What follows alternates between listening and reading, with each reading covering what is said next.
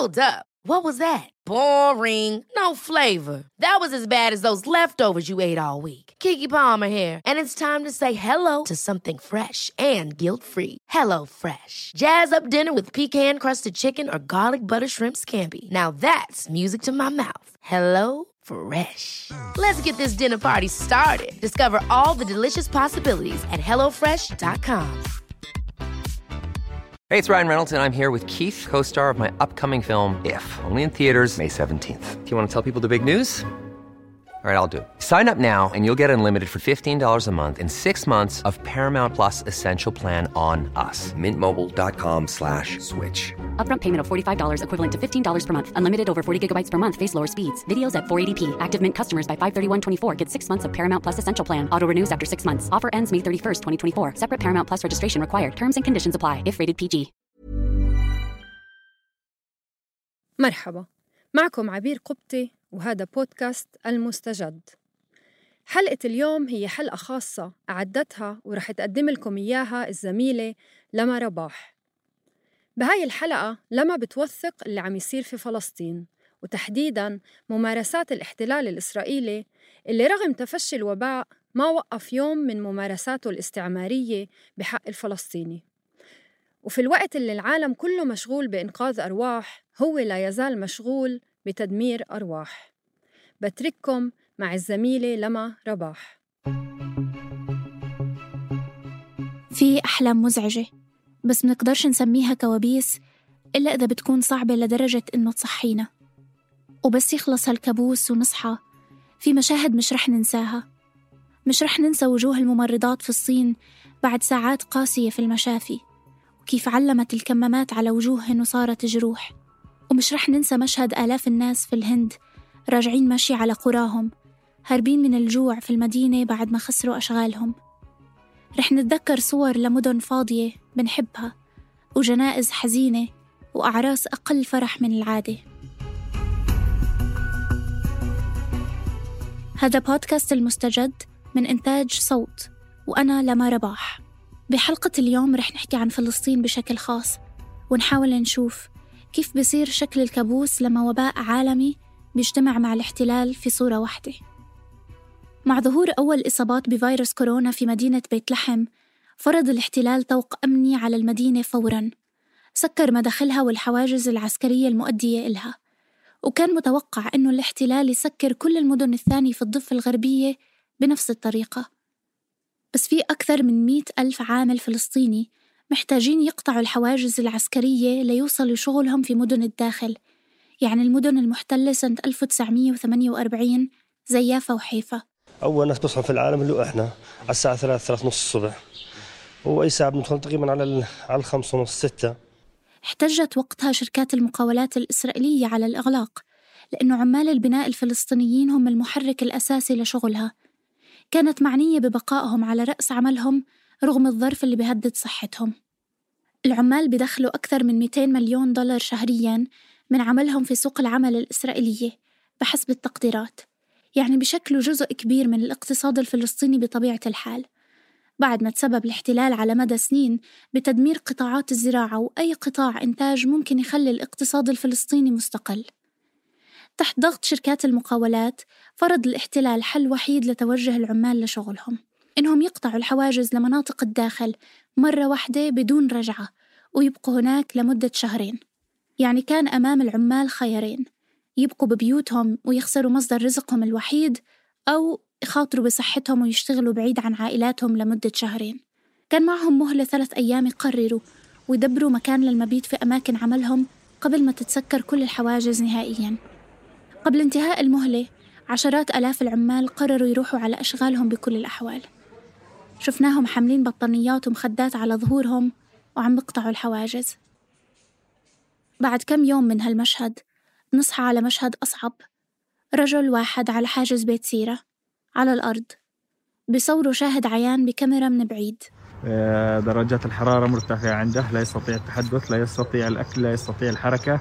بيحاول الشاهد يوصف حالة العامل مالك غانم وهو نايم على جنب الطريق مش قادر يتحرك. كان مر على وجوده على الأرض أكثر من ساعتين. مالك عامل بناء كان يشتغل في ورشة بتل أبيب. ارتفعت درجة حرارته كثير ما كانش قادر يشتغل من التعب. كان في شك إنه مصاب بفيروس كورونا فاتصلوا زملائه بسيارة إسعاف. بالبداية ما قبل سائق السيارة الإسرائيلي إنه يوصل مالك على المستشفى لأنه عربي. لما وصل مالك على مستشفى بتل أبيب المستشفى سكرت بوابها بوجهه. وما سمحت له يفوت ليتعالج. بعد شوي بيوصل عناصر من شرطة الاحتلال لابسين زي واقي بقيدوا إيديه ورجليه وبياخذوه في جيب عسكري على حاجز واصل مع الضفة الغربية. ووقتها بيلاقوا المتطوعين الفلسطينيين على الجانب الثاني وبيحذرهم إنهم يبعدوا عنه. خايف عليهم يلقطوا العدوى وبيقدروش يقربوا عليه لأنهم ما عندهم زي واقي بكل الأحوال. وبينهار هو من التعب نفسيا وجسديا وبيستنى سيارة إسعاف فلسطينية. تبين بعدين إنه غير مصاب بكورونا بس كان عنده إنفلونزا حادة.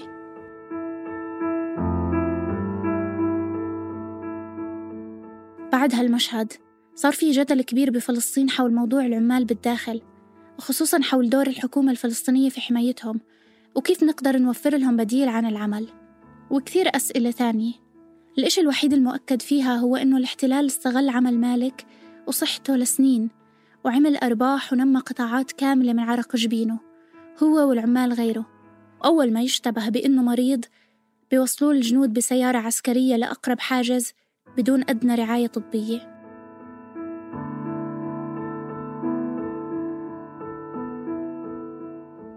بعد ما فرضت الحكومة حظر للتجول للحد من انتشار الفيروس الشوارع صارت مغلقة بالضفة الغربية. بعضها مسكر بسواتر ترابية. بتذكرنا بأيام الاجتياحات الإسرائيلية. بالضبط مثل ما كلمة منع التجول بترجع صوت دورية الجيش وهي تنادي بالشوارع بمكبر الصوت. ممنوع التجول والتجول ممنوع حتى إشعارناها دوريات الجيش وجنوده ما غابوا حتى بهاي الأزمة. خلال أذار مثلا في 250 عائلة بفلسطين فاقوا بنص الليل على صوت بابهم بينفتح بالقوة.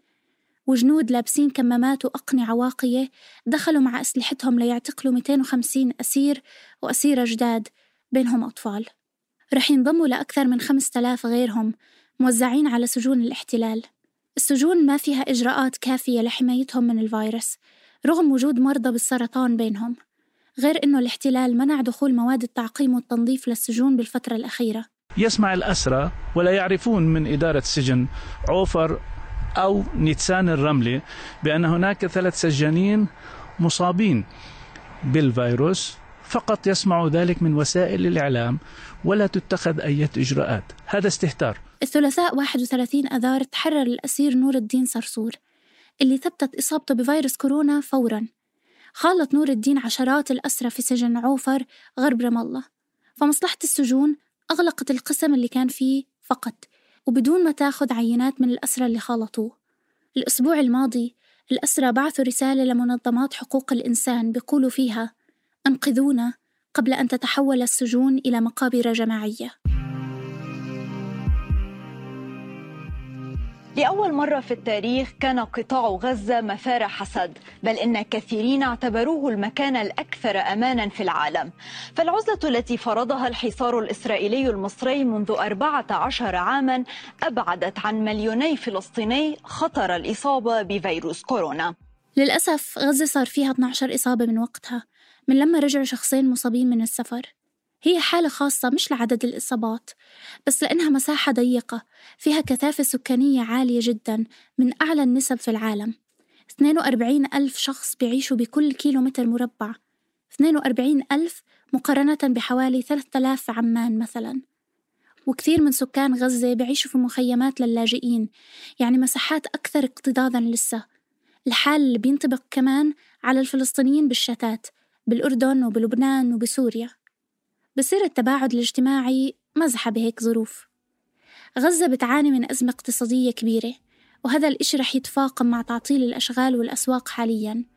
أما من ناحية القطاع الصحي فحسب منظمة الصحة العالمية غزة بقدراتها الطبية الحالية قادرة تتعامل مع أول مئة إصابة بالفيروس فقط وبعدها رح تحتاج لدعم إضافي.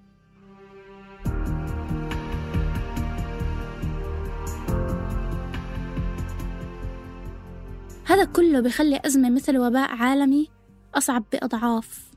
كل ما نحكي قصة عن فلسطين في مقدمة لابد منها. فلسطين مقسمة فلسطين يعني الضفة الغربية وغزة اللي بيحملوا أهلها هويات فلسطينية.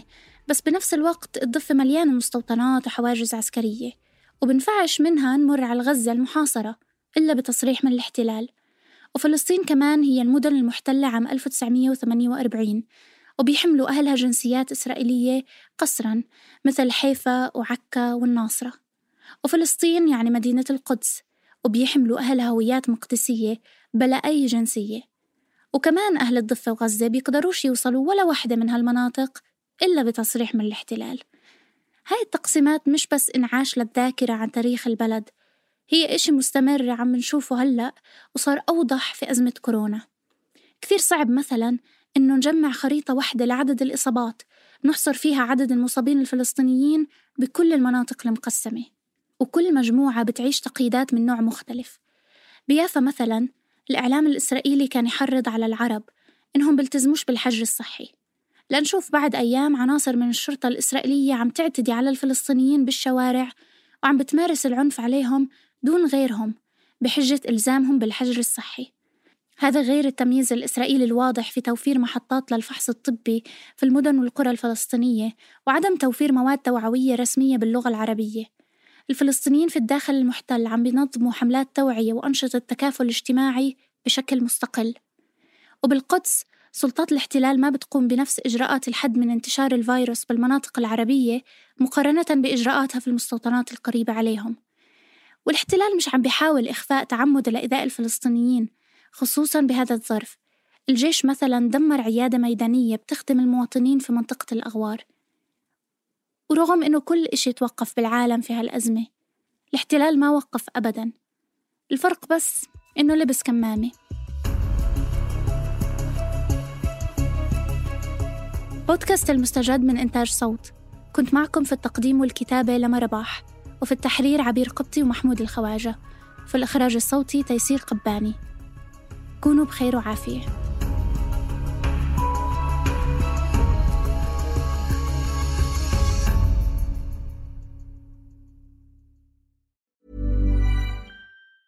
Ever catch yourself eating the same flavorless dinner three days in a row? Dreaming of something better? Well, HelloFresh is your guilt-free dream come true, baby. It's me, Kiki Palmer. Let's wake up those taste buds with hot, juicy pecan-crusted chicken or garlic butter shrimp scampi. Mm. Hello Fresh. Stop dreaming of all the delicious possibilities and dig in at HelloFresh.com. Let's get this dinner party started.